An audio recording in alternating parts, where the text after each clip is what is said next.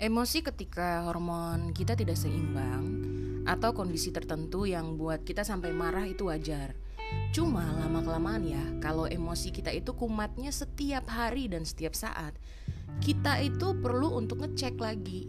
Jangan-jangan nih ada yang tidak beres.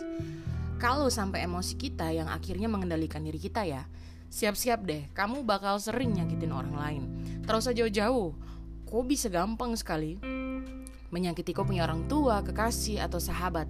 Bahkan kau bisa ambil keputusan-keputusan yang nanti di akhir atau nanti di suatu saat pas waktu kau pikir kembali, kau menyesal karena kau pernah mengambil keputusan yang tidak begitu baik ketika kau lagi emosi-emosinya.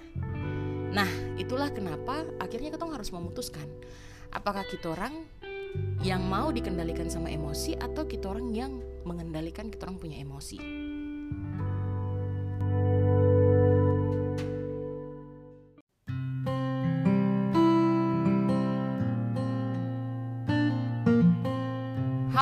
Teman-teman pendengar setia cerita seru Jenny Karai. Ini adalah podcast kedua di tahun 2022 yang Jenny Karai buat. Yes, betul sekali. Lama ya Cin postingnya. Setelah diriku menjelajah dunia akhirnya pulang kembali ke pendengar uh, Teman-teman semua di pendengaran teman-teman semua untuk melanjutkan podcast ini. Uh, sempat berpikir untuk kayaknya saya harus berhenti deh karena lama kelamaan saya sibuk. Tapi saya selalu dapat DM di Instagram dari teman-teman semua bahwa wah kak makasih untuk podcastnya makasih untuk podcastnya. Jadi saya merasa saya tidak jadi give up. Dan saya berharap sekali teman-teman uh, kalian tetap setia bersama saya. Maafkan aku yang hilang-hilang. Jenny Kare juga berharap nih untuk teman-teman yang uh, dengar podcast ini itu orang masih tetap semangat ya di atas segala hal yang terjadi. Betulan saat tipu ini covid lapis dengan ketemu punya segala macam hidup nih adalah suatu ujian yang sangat sangat sangat sangat sangat mengontrol dan membuat emosi kita seperti roller coaster.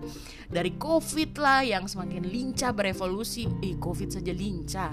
Kenaikan harga BBM, bahkan kemarin saya nonton tuh di berita tuh kalau harga mie instan juga naik. Kau bayangkan mie instan ya, mie instan dan naik.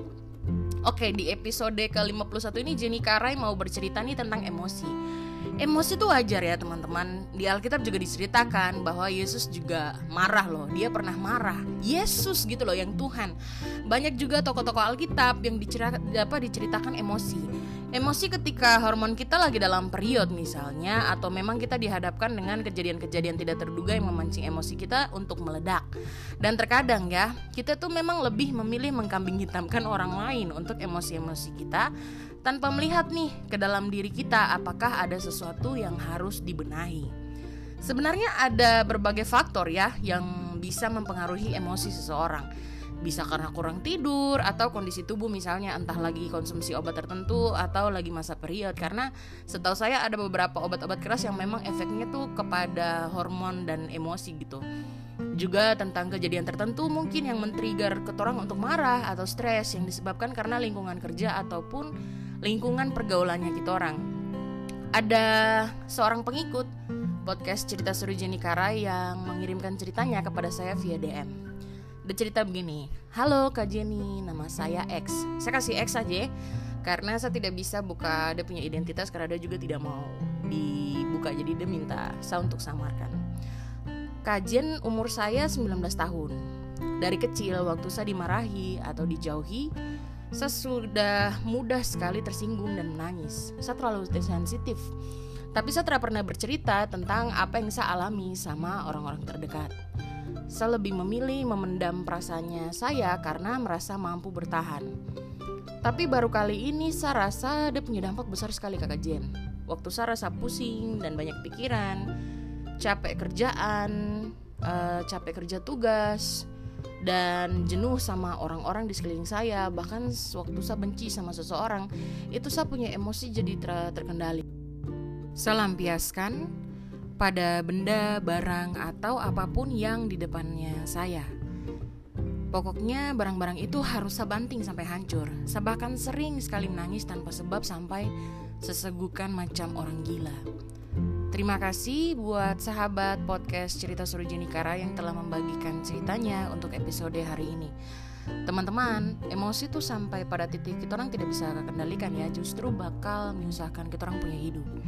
Tidak saja kita orang yang secara tidak sengaja melukai orang lain, tapi juga bisa menyakiti dirinya kita orang sendiri. Mungkin awalnya ketong lihat itu kayak biasa aja gitu, oh I can handle it pokoknya saya masih bisa kontrol saya masih bisa ini masih bisa itu mungkin saat ini seperti itu tapi yang namanya emosi dalam tubuh manusia ya dalam diri manusia itu one day dia harus dikeluarkan. Nah teman-teman bisa pilih dikeluarkannya seperti apa. Apakah harus sampai dipendam sekian lama terus tiba-tiba seperti gunung lava gitu atau kita orang mau untuk belajar untuk memanage kembali kita punya emosi-emosi tersebut untuk dikeluarkan. Dan Ingat, kemarahan itu adalah reaksi dan perasaan yang normal ya. Jadi kita orang tidak bisa mendadak kasih hilang emosi itu tiba-tiba. Kita orang nih bukan laptop, bukan PC ya, bisa tiba-tiba saja begitu, tidak bisa. Kita orang juga tidak bisa kontrol uh, orang lain itu untuk jangan bikin orang emosi. Tapi kita orang selalu bisa belajar untuk mengelolanya menjadi lebih baik. Waktu kita orang marah, kita orang mungkin memiliki perasaan mulai dari sedikit kesal sampai emosi tingkat tinggi. Kadang bilang emosi gitu. Kalau pas kita orang mulai emosi tinggi, coba deh uh, lakukan beberapa hal ini. Yang pertama, luangkan waktu sebelum bertindak atau berbicara. Waktu kau surasa emosi semulai naik nih, kok bisa untuk minta waktu sama kok punya lawan bicara atau kok punya teman bicara untuk kasih kok waktu menenangkan diri kok bisa tetap ada di tempat itu atau kok perlu untuk pergi dari tempat itu dulu kalau kok marah sudah apa saat kok bicara ya saya pastikan pasti uh, tanpa kau sadari atau tidak apa pun yang kau omong atau keputusan yang kau buat itu akan menyakitkan orang dan itu akan merugikan kau walaupun awalnya secara ego ya oh iya saya menang saya begini saya begitu tapi di kemudian hari nanti kau baru menyesal. Nah, saya punya mantan-mantan itu selalu punya masalah yang sama. Dong selalu lihat kenapa Jenny Kara ini, kenapa sebuah pacar ini Jenny Kara ini, kalau marah itu selalu diam. Karena saya tahu teman-teman, saya punya kekuatan dan saya punya kelemahan adalah kata-kata saya paling jago sekali hanya bicara satu kalimat ke orang dan orang itu bisa sakit hati bertahun-tahun. Itu saya punya model. Jadi kalau macam saya marah, daripada saya bikin orang punya perasaan sakit atau orang tersiksa gitu atau orang ngerasa kayak macam aduh saya kasar sekali, mendingan saya diam dulu. Jadi saya selalu kalau marah saya diam dulu. Nanti kalau sudah tenang, saya punya emosi saya sudah bisa kelola dengan baik itu baru saya bicara sama orang yang saya marah nah itu teman-teman bisa gunakan saya tidak tahu apakah teman-teman bisa diam dulu atau teman-teman pergi dulu cari refreshing dulu gitu ya cari angin segar ya. Kalau keterangan anak timur bilang baru kok balik baru kok bicara dengan kau punya teman. Yang kedua itu teknik pernafasan yaitu kita bisa tarik nafas dalam-dalam dari diafragma. Jadi jangan sampai langsung biasa kan gitu toh eh, satu nafas langsung beribu-ribu kata gitu. Nah teman-teman bisa tarik nafas dulu sampai 10 pelan-pelan toh. Satu dua tiga sampai 10 baru bicara. Itu bisa. Ada beberapa orang juga yang saya kenal mereka gunakan teknik uh, pernafasan seperti ini. Yang ketiga tangani punya perasaan. Lakukan obrolan ringan dengan diri sendiri, tetapi lakukan dengan cara yang tenang dan sederhana. Karena pada akhirnya memendam itu hanya akan memperparah situasi, teman-teman. Dan tindakan mengucapkannya itu dapat membantu kita orang untuk memproses kita orang punya amarah. Dan yang keempat, salurkan energi tersebut. Itu yang di awal saya bilang toh yang namanya emosi dalam tubuh manusia itu harus disalurkan. Tidak pernah tidak bisa. Entah itu sedih, senang, galau, giliu, gak apa pun itu, itu tuh harus disalurkan. Nah, emosi manusia itu sangat kuat. Melepaskan energi dengan berjalan-jalan misalnya atau olahraga atau menggeluti hobi itu punya efek besar untuk mengelola kita orang punya emosi biar seimbang. Kalau saya pribadi teman-teman, saya tuh paling suka kalau saya lagi marah sama orang itu saya pergi main golf. karena tiap kalau saya marah berusaha pukul bola ya teman-teman saya tuh selalu perhatikan saya tuh punya bola waktu saya lagi marah gitu loh itu tuh dia punya jarak bisa lebih jauh daripada yang biasanya saya pukul kamu coba deh kalau pas emosi pergi main golf. Karena saya coba tuh it works for me. Ha tidak tahu teman-teman mungkin suka main bola kaki misalnya atau main bulu tangkis atau teman-teman suka berenang go ahead pergilah. Biarkan emosi-emosi itu keluar. Kalau saya pribadi aduh saya tertipu itu kayak macam saya fokus saya punya kemarahan semua di bola golf itu berapa pukul. Ih, itu dapat tinggi melambung jauh dan sangat tinggi. Wih pokoknya keren. Oke okay, emosi yang keluar itu juga bikin saya punya badan kan berkeringat karena olahraga jadi kalau saya bilang tuh saya dapat double manfaat saya bisa kelola dia punya emosi dan saya juga bisa olahraga nah teman-teman juga bisa lakukan itu yang kelima setelah itu, ekspresikan kau punya diri dengan jelas dan tenang. Jadi setelah emosi semuanya itu keluar, kau bisa pergi ketemu orang itu, baru kau bicara baik-baik. Jadi dia bisa merasa apa ya? Dia bisa merasa oh saya harus perbaiki saya punya diri di sisi ini. Oh ternyata saya punya lawan bicara saya punya sahabat atau saya punya pacar ini atau saya punya orang tua. Itu ternyata mereka tuh sebenarnya maksudnya begini begini begini begini. Jadi bisa ada hal yang diluruskan bisa ada hal yang ketorong bisa sama-sama cari solusi. Terus yang keenam ketong harus praktikkan memaafkan. Jadi belajarlah untuk memaafkan orang-orang di sekitar kita orang. Memendam kebencian itu akan memicu lebih banyak kemarahan dan memperlambat proses penyembuhan betul. Makanya orang selalu bilang kalau teman-teman suka ikut KTB apa komsel begitu, dong selalu bilang keterbukaan adalah awal dari pemulihan. Karena begitu, karena ketika teman-teman uh, tidak terbuka ya, itu berarti kok memperlambat kok punya proses penyembuhan buat kok diri sendiri, bukan tentang orang lain gitu. It's all about you gitu.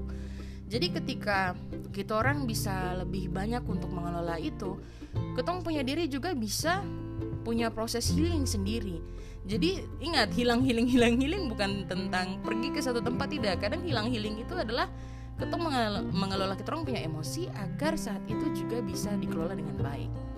Berbanggalah teman-teman waktu kau mampu melakukannya karena percayalah, tidak semua orang tuh mampu buat itu. Dan hanya orang dengan kelembutan dan kebesaran hati yang bisa melakukannya. Dan saya berdoa salah satunya adalah aku. Dan itu dia tadi teman-teman ada 6 poin ya yang sudah Jenny Karai berikan dari kita orang punya topik tentang emosi. Jadi kalau teman-teman emosi jangan lupa ada 6 poin itu yaitu yang pertama luangkan waktu sebelum bertindak atau berbicara kedua teman-teman bisa gunakan teknik pernafasan. Ketiga teman-teman harus tangani perasaan teman-teman. Uh, jangan dipendam. Keempat energi atau emosi itu harus disalurkan. Kelima ekspresikan apa yang kau mau dan apa yang salah menurut kau. Yang keenam kita harus selalu mempraktikkan yang namanya memaafkan karena toh dalam hidup toh kita punya episode hidup ini bukan cuma saat ini. Tapi bertahun-tahun kemudian. Jadi bayangkan kalau emosi di saat ini kita tidak kelola nanti emosi-emosi ke depan yang ketong dapat lama-lama lama-lama nanti kalau menimbun beh oh tolong. Kita orang nanti hosa. Dan saya akan menutup teman-teman podcast ini dengan saya punya cerita pribadi jadi di tahun antara tahun 2014 ya oh ya 13 14 pokoknya antara dua tahun itu saya sempat pacaran dengan seorang pria. Di ruang publik pria ini dia punya figur kebapaan itu kuat banget. Dan saya jatuh hati sama dia waktu itu karena pertama dia laki-laki yang berani uh, dia mengutarakan dia punya cinta. Dia juga uh, tipikal orang yang selalu saya lihat setiap hari karena waktu itu ketemu dia tuh cinlok jadi kayak macam dia punya aktivitas kegiatan orang-orang yang selalu diseling dia tuh saya lihat. Jadi buat saya oke okay lah kita bisa pacaran gitu. Terus dengan berjalannya waktu saya punya mama dengan saya punya bapak itu tidak setuju. Karena memang ada sesuatu yang setelah dong track record cowok ini dong ketemu terus dong kasih tau saya. Jadi saya punya mama dengan saya. Bapak bilang mama sama papa tidak setuju dengan kau punya hubungan sama dia. Kau harus putuskan dia. Oke. Jadi waktu itu karena signifikan banget alasannya mama dengan papa jadi saya langsung berinisiasi untuk ketemu dia malam itu. Jadi malam itu saya bawa dia ke kosan ketong duduk terus saya ngomong sama dia karena saya punya kosan ini kebanyakan orang-orang tuh suka duduk nongkrong nonton di depan. Jadi saya bawa dia ke dalam kamar. Saya bawa dia ke dalam kamar baru saya ngomong sama dia. Saya bilang kita orang dua harus putus nih karena saya punya mama dengan saya punya papa tidak setuju. Terus saya utarakan dia punya alasan kenapa kenapa kenapa. Dia tiba-tiba menangis. Terus dia peluk saya keras sekali. Dia bilang saya tidak mau uh, putus kok karena saya sudah dapat yang cewek yang saya suka dan sesuai dengan saya punya selera. Terus saya bilang saya tidak bisa karena mama dengan bapak tidak setuju dan mama dengan bapak juga tidak mau. Terus teman-teman tahu pertama kalinya selama saya pacaran sama dia satu lihat dia tiba-tiba emosi kayak dia punya nafas langsung tiba-tiba begitu. Terus de buang semua barang yang ada di atas punya meja belajar.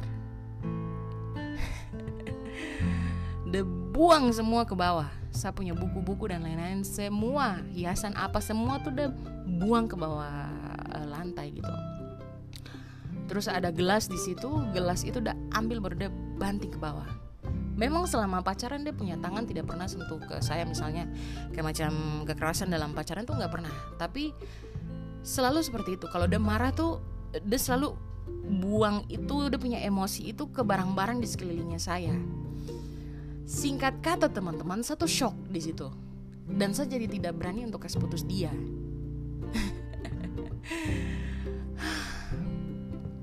Terus akhirnya malam itu karena saya lihat dia punya emosi sambil dia nangis sambil dia buang dia serak semua barang di dalam saya punya kamar terus saya, saya, saya bilang saya tidak jadi putus kok. Sudah sudah ketemu dua sama-sama ketemu dua sama-sama. Saya bilang dia seperti itu.